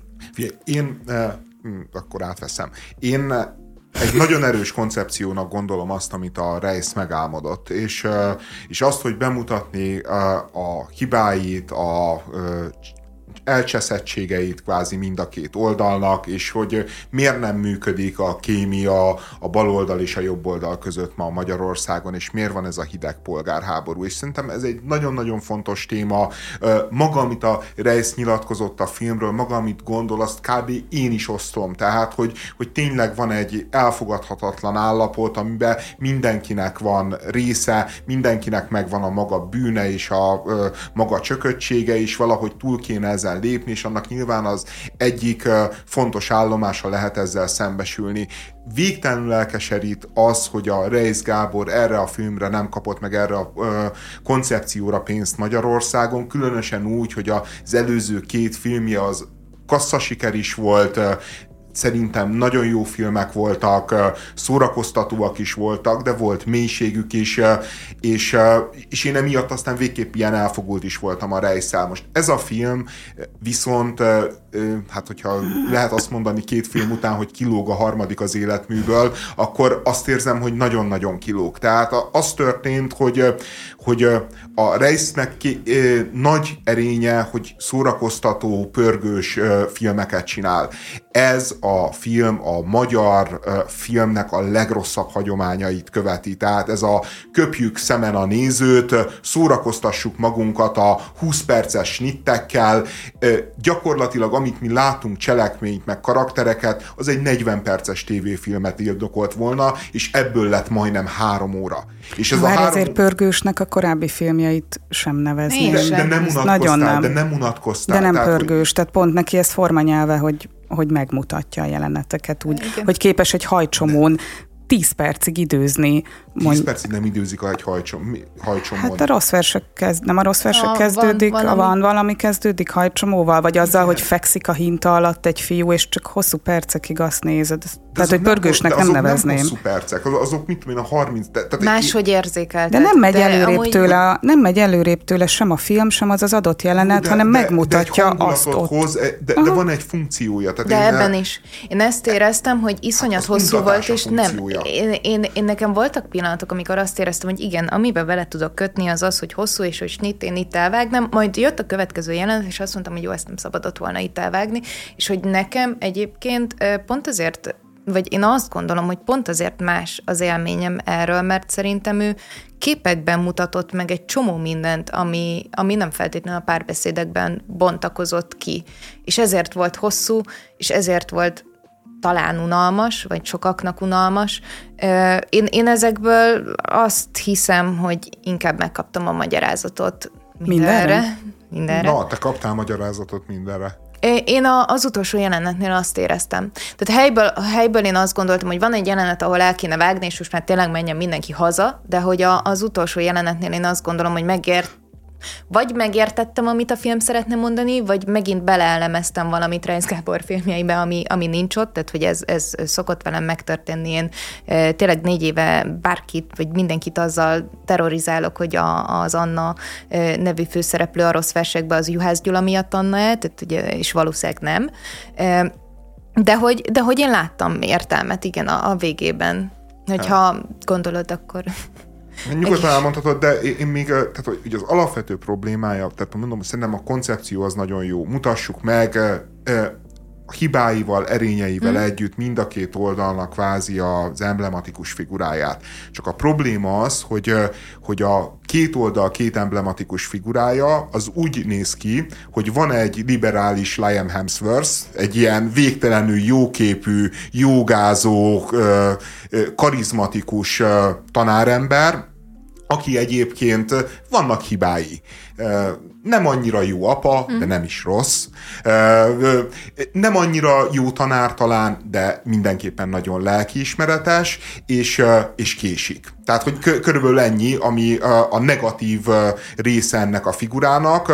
A felesége meg, meg aztán meg egy kifejezetten bájos, bárki által azonosulható liberális anyuka, aki, aki szenved a, a anyaság keltette, meg a munka, meg a nem tudom én minek az extra terheitől. Tehát, hogy egy tök azonosulható liberális család, akit szerintem bármelyik liberális néző azt gondolna, hogy a férjének, unokájának, gyerekének kb. elfogadna. Igen? És ezzel szemben... Mert én nem. A, Tehát, hogy én, én jó, meg, az egy százalékos De nem azért, mert egy de azért, mert egy han... politikai elemző Igen, azért, mert egy politikai elemző vagyok, de szerintem álljunk meg, mert hogy a karakterről nekem inkább az jött le, hogy ő iszonyatosan csak abba van elmerülve, ami az ő munkája, Igen. amiről utána elmondja, hogy csak 188 ezer forint, tehát hogy látszik az, saját hogy igazából magába van saját magába van elmerülve, meg abba, hogy ő mennyire, mennyire fantasztikus tanár ő, hogy még interjúkat is készít, amiket bemutat a gyerekeknek, és mindeközben észre se veszi, hogy van körülötte egy család, a, aminek a mindennapi életét egyébként menedzselni kell, nem veszi észre, hogy milyen terheket rak ezzel a, a feleségére, aki egyébként néha így megpróbál hozzá közeledni. Én azért nem láttam annyira pozitívnak ezt a, a karaktert, mint ahogyan, ahogyan te ezt most mondod. Az érettségi vizsgán is inkább azt nézegeti, hogy a felesége lerakja el neki az autót, mert neki onnan amúgy tovább kell mennie. Tehát nem, ő, ő, ő nem Ezek egy... Nem annyira egy, emberi dolgok. Hát persze, egy annyira önzően ember. emberi dolgok, csak mert hogy a, a másik karakter, akit majd mindjárt fogsz mondani, hogy neki is milyen hibái vannak, ő, ő benne meg pont az van meg, ami benne nincs. Tehát pont az van meg, hogy ő egyébként bevált, vásárol, hogy ő egyébként főz, hogy a, neki is van egyébként munkája, de hogy amúgy tölt időt a családjával, ő lehet, hogy elolvassa a magyar napokat, meg a nem tudom, de amúgy a feleségével az erkélyen beszélget, a fiától megkérdezi, hogy mi van vele, folyamatosan keresi őt telefonon, próbál részt venni az otthoni életben. Hát amit Úgy a azért... Sodró Eliza meg el is mond, hogy azt se tudod, hogy melyik gyerek jár úszni, és melyik nem tudom már mire, de hogy... Igen, nem, nem, nem egy jó apa, nem egy mintaapa. Na de igen, csak érted, a... hogy itt szerintem pont ellentétpárban vannak folyamatosan állítva a nem, karakterek. Nem szimpatikus karaktert játszik, tehát hogy ez nem egy olyan, akivel... Szerintem nem, nem egy ellenszenves, nyilván vannak hibái, nyilván vannak... Jól néz ki, be, bele, hát, de ennyi... Több, jól néz ki, beleáll, ki, karizmája Nem egy závada, és, Peti, de... És, és, azért szereti a feleségét, és azért, hogy, hogy mondjam, azért ők tudnak kooperálni, meg együtt. Hát amikor rászólnak, a, a, a munka, hogy kell. A, igen, őt beszippantja a munkája, de hát azért tudod, ez legyen a legnagyobb hibája egy embernek. A másik, az, az meg, tudod, egy ilyen szerencsétlen lúzer. Az a, a, az, a, az, a, az a világnyomorúsága az az ember, a hülye megfejtéseivel, a, a, fél, tehát, hogy a jobboldali karakter... A rossz hűtőszekrényével. Az, a, a, a rossz hűtőszekrényével, amit nem javítat meg. Tehát érted, nem cseréli a 80 ezres hűtőgépét, hanem inkább elázik minden nap vagy két naponta a konyha. A, a, az a figura egy, egy ilyen gúnyrajz a, a jobboldali értelmiségről, aki másról sem tud be, beszélni, mint hogy Sargentini, mint hogy Soros, mint hogy Karácsony, stb. Teljesen be van ebbe kattanva. Nyilván ezzel... Hát és verbálisan ütiveri a gyerekét, tehát nem szó szerint, hogy, tehát, hogy az ő gyerekekkel legyen a legjobb, és annak is látja, és nem is hajlandó elfogadni, hogy nem Egy az. gúnyrajz is egyébként a felesége, tehát amíg a Sodró Eliza aztán tényleg egy abszolút pozitív szereplő, addig a felesége meg hát egy ehhez asszisztáló egyéb banya, nem. aki... Dehogy is. De. Nem valaki, aki nem feltétlenül érti, hogy ez miért van, miközben egyébként ő nagyon is foglalkozik szintén a gyerekkel, és nagyon is foglalkozik a, a csávóval. Szerintem mind a két karakterben, ami bántó, vagy ami sértő, hogy olyan dolgokkal foglalkoznak, ami nem a család és nem az ember. És itt jutunk majd el ahhoz, hogy mi a magyarázat mindenre, hogy mind a két karakternek pont ugyanazzal a rosszal kell szembesülni, és pont ugyanaz a karakterfejlődés ö, megy végbe majd a filmben, hogy mind a kettőnek észre kell vennie, hogy az ő ideológiájuk senkit nem érdekel, de amiatt, mert ők ezen csatároznak, vagy ezen morognak, vagy ez a, ez a maga, magukba zárt világuknak így a kiinduló pontja, az origója, egy ember egyrészt mellett. elbeszélnek egymás mellett, másrészt ott van középen egy ember, egy fiú, egy 18 éves fiú, akit ez aki, nem ebben, aki ebben nem akar részt venni, aki, akit ez nem érdekel, aki ember akar lenni, aki át akar menni az érettségin, vagy hogyha nem tud átmenni az érettségin, akkor azt szeretné, hogy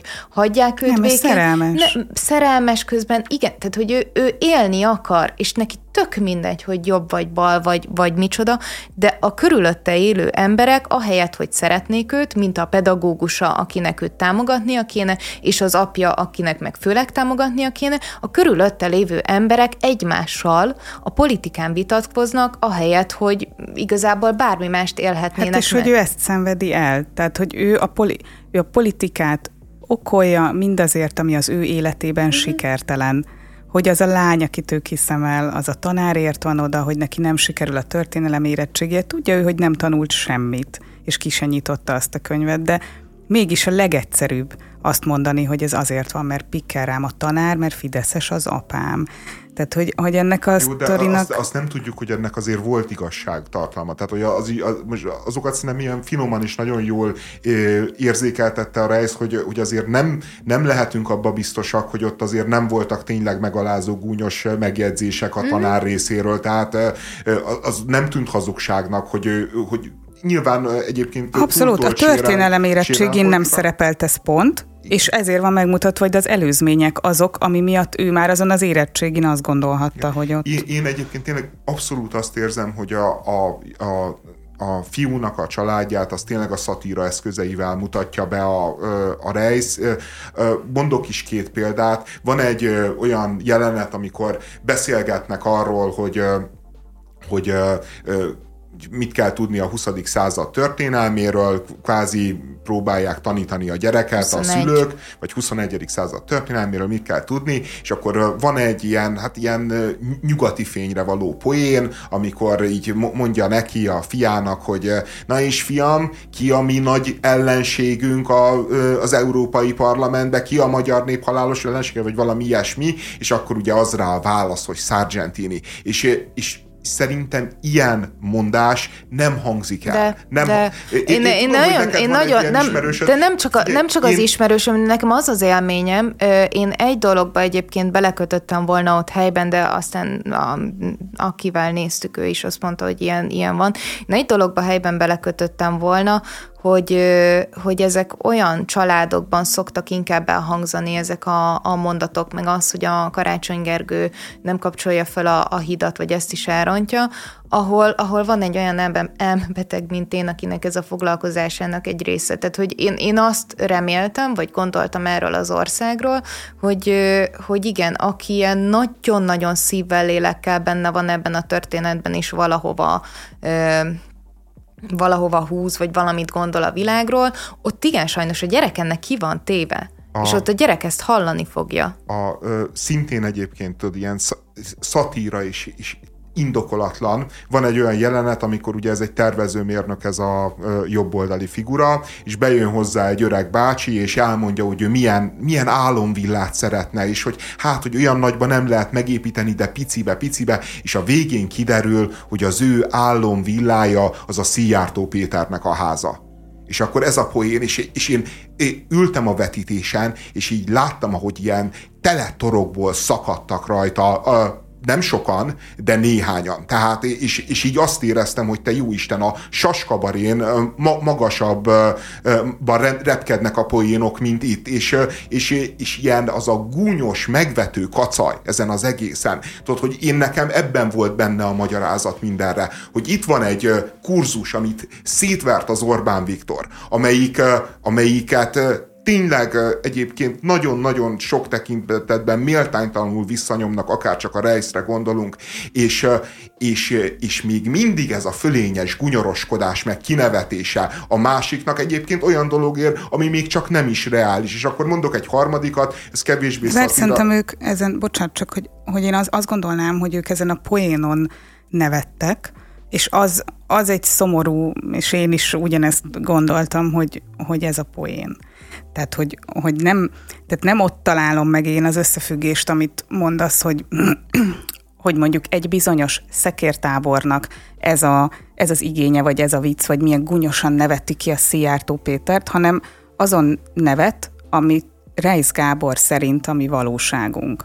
De Reis Gábor ezt valószínűleg, vagy én is azt gondolom, hogy egy kicsit rosszul látja, és nagyon le lett egyszerűsítve ez a történet, miközben először találkozunk olyan valamire való magyar filmmel, ami valóban kimondja ezeket a neveket, hogy Szijjártó Péter, meg Varga Mihály, meg Orbán Viktor és Gyurcsány Ferenc, mm. nem szoktuk, tehát hogy ez most megtörtént, és a közönség közül nagyon sokan ezt értékelik. De én legalábbis így érzékelem. Ráadásul egyébként mondjuk pont az a jelenet, amikor kikérdezik a töri érettségiből, most ez ilyen filmnyelven, és ez nyilván nem a mai napra vonatkozik, mert ma tudjuk, hogy mikor készült a film, és ez melyik időszakot öleli fel, de hogy ez egy ponton egyébként egy ilyen nagyon jó idő megjelölése, vagy ez egy ilyen, én Kordoksi. azt éreztem, igen, tehát hogy uh-huh. ez, ez az a jelenet, az arra vonatkozik, hogyha ezt valaki 25 év múlva megnézi, akkor be tudja lőni, hogy melyik korban játszódik. Tehát nincsen kiírva, hogy 2022 vagy 2023, viszont abból, ami, ami ott elhangzik, abból te be tudod lőni, hogy nagyjából mikor játszódik. Az a jelenet, az szerintem ezért volt.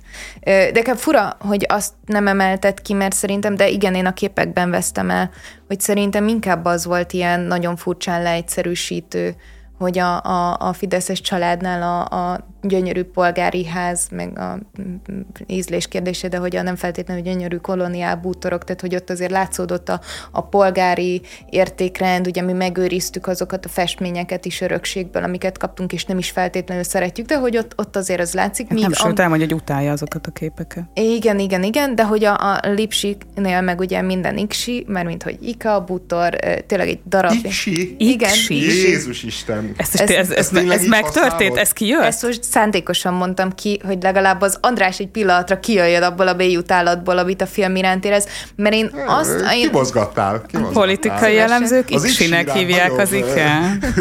Na, nagyobb ellenszebbet érzek, de poén volt, nyugtass meg, igen, Persze, volt. Jó, jó, igen, jó. Igen, igen, igen. Jó. De hogy nem, tehát hogy ha, ha visszatérünk így a filmhez, nehéz. az Iksi után, nehéz, de hogy tényleg volt egy leegyszerűsítés, csak én azt éreztem, hogy ez mind a kettő felé meg, megtörténik a leegyszerűsítés. És inkább azt mutatja meg, hogy nincsen párbeszéd a kettő között, és a Szijjártó Péteres történetnél meg én is azt éreztem, hogy ez megint egy olyan poén, ami bele van szuszakolva, és amit, hogyha Budapesten mész ma a színházba, akkor nem tudsz kikerülni, hogy ne jelenjen meg valamelyik jelenetben egy, egy sikermellény, és azon ne hahotázzon hangosan a közönség, amit, tehát hogy én már így tényleg sírva menekülök, de, de hogy annál talán egyel, egyel tovább gondoltabb történet az, hogy a Szijjártó házát kicsiben fogjuk megépíteni, de tényleg nem viszi előre a cselekményt, és tényleg nem feltétlenül kell ebben benne lennie, vagy nem tudom, az is megint csak megmagyarázta azt, hogy, hogy a, az apukának Budapesten amúgy nagyon sok konfliktusa van. Tehát mert ott van egy másik szál is, nem a tanárral van egyedül, hanem ugye a saját munkatársával, vagy a saját alkalmazottjával, aki egyszer csak azt mondja, hogy na én akkor leléptem külföldre, mert én már nem bírom elviselni, és, és ott is megint nem egy párbeszéd hangzik el, de miért mész külföldre? Azért, mert nem bírom. De mit nem bírsz? Hát, hát csak nem bírom. Tehát, hogy nagyjából ugye ezeket a csatákat játszol nap mint nap az ember. Szerintem van egy olyan de nem folytattam belét valamit az előbb, te? Mondjad, mondjad, én mondjad. Biztos? Biztos? Jó, az Iksinél megálltunk. Hogy szerintem van, van, egy, tehát van ennek a filmnek egy olyan része, és ezt esetleg így azok kedvéért mondom el, akik most úgy érzik, hogy ez a film csak a politikáról ö, szól, mert hogy nem láttam senkinél se megemlítve, se kiemelve, tehát könnyen lehet, hogy én vagyok ennyire szentimentális, vagy akár túlérzékeny, de hogy, hogy ez a film ez megmutat egy időszakot egy fiatalnak az mhm. életéből, ami nem szól másról, mint arról az utolsó felhőtlen nyárról, amit eltöltesz azelőtt, hogy kilépsz az életbe. Benne a Balatonnal, azzal, ahogyan bemászol lezárt strandra, vagy egy lezárt háznak a medencéjébe, ahogyan rosszul énekled, rossz dallam van a szerenád alatt, e, rossz gyertyákkal a kezedben a tanároknak, berugva azokat az idióta dalokat, hogy halálosan szerelmes vagy, és úgy gondolod, hogy most ezen a szerelmen múlik az életed hátralévő része, és nem tudsz tanulni, és nem tudsz semmire figyelni, és hiába kelsz fel időben, egész nap csak ülsz.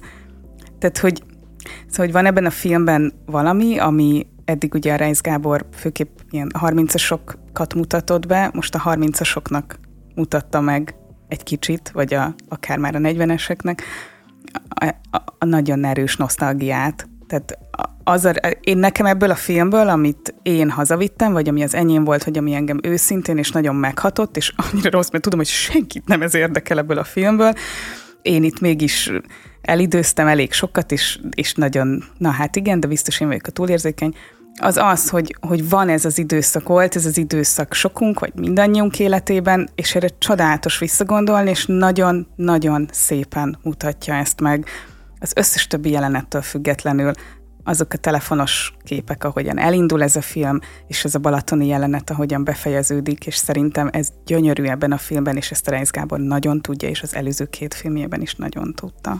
Na, de nekem ez volt a magyarázat mindenre. Tehát, hogy én azt éreztem, és a képi világából én, tehát nem tudom hányszor biciklizett át a, hidakon, különböző hidakon ez a, ez a srác, ami ugye megint csak két oldal, Pest, Buda, nem tudom, tehát ilyen törésvonalak.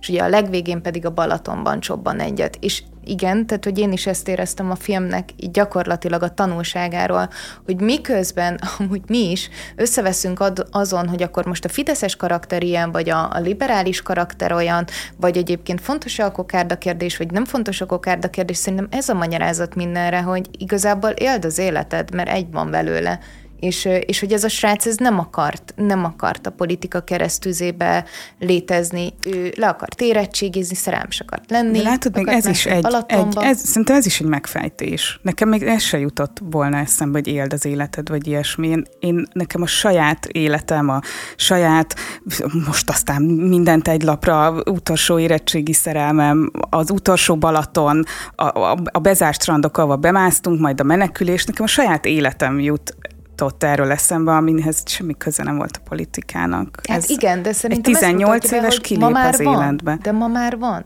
Szerintem nincs feltétlenül, nincs, mert akkor is volt politika, és mégsem érdekelt. Az érdekelt, hogy, hogy azzal a fiúval lesz-e valami, vagy, vagy hogy lejutunk-e az utcsó vonattal a Beach House-ra, ez érdekelt. Nem tudom, ne, nekem az a magyarázat mindenre, hogy, hogy a rejsz, akiben abszolút megvan minden jó szándék, nyilván még a kulturális ismeret is, hiszen az édesapjáról mintázta a, a, a jobboldali főszereplőt, hogy, hogy ő sem tud kilépni ebből az ilyen nagyon-nagyon durván, törzsileg meghatározott világlátásból, hogy, hogy minden rossz, hogy az orvosok fizetése szar, miközben miközben tudjuk, hogy egyébként nem, az úgy elhangzik, hogy el kell, hogy hangozzék, hogy a tanár az 188 ezer forintot keres, miközben tudjuk, hogy egy gimnáziumi kere, tanár az csak a nyugati fényen keres azért 188 ezer forintot, nagyon szarul keresnek, de nem ennyire. És, és ezeket a dolgokat, ezeket olyan mindenfajta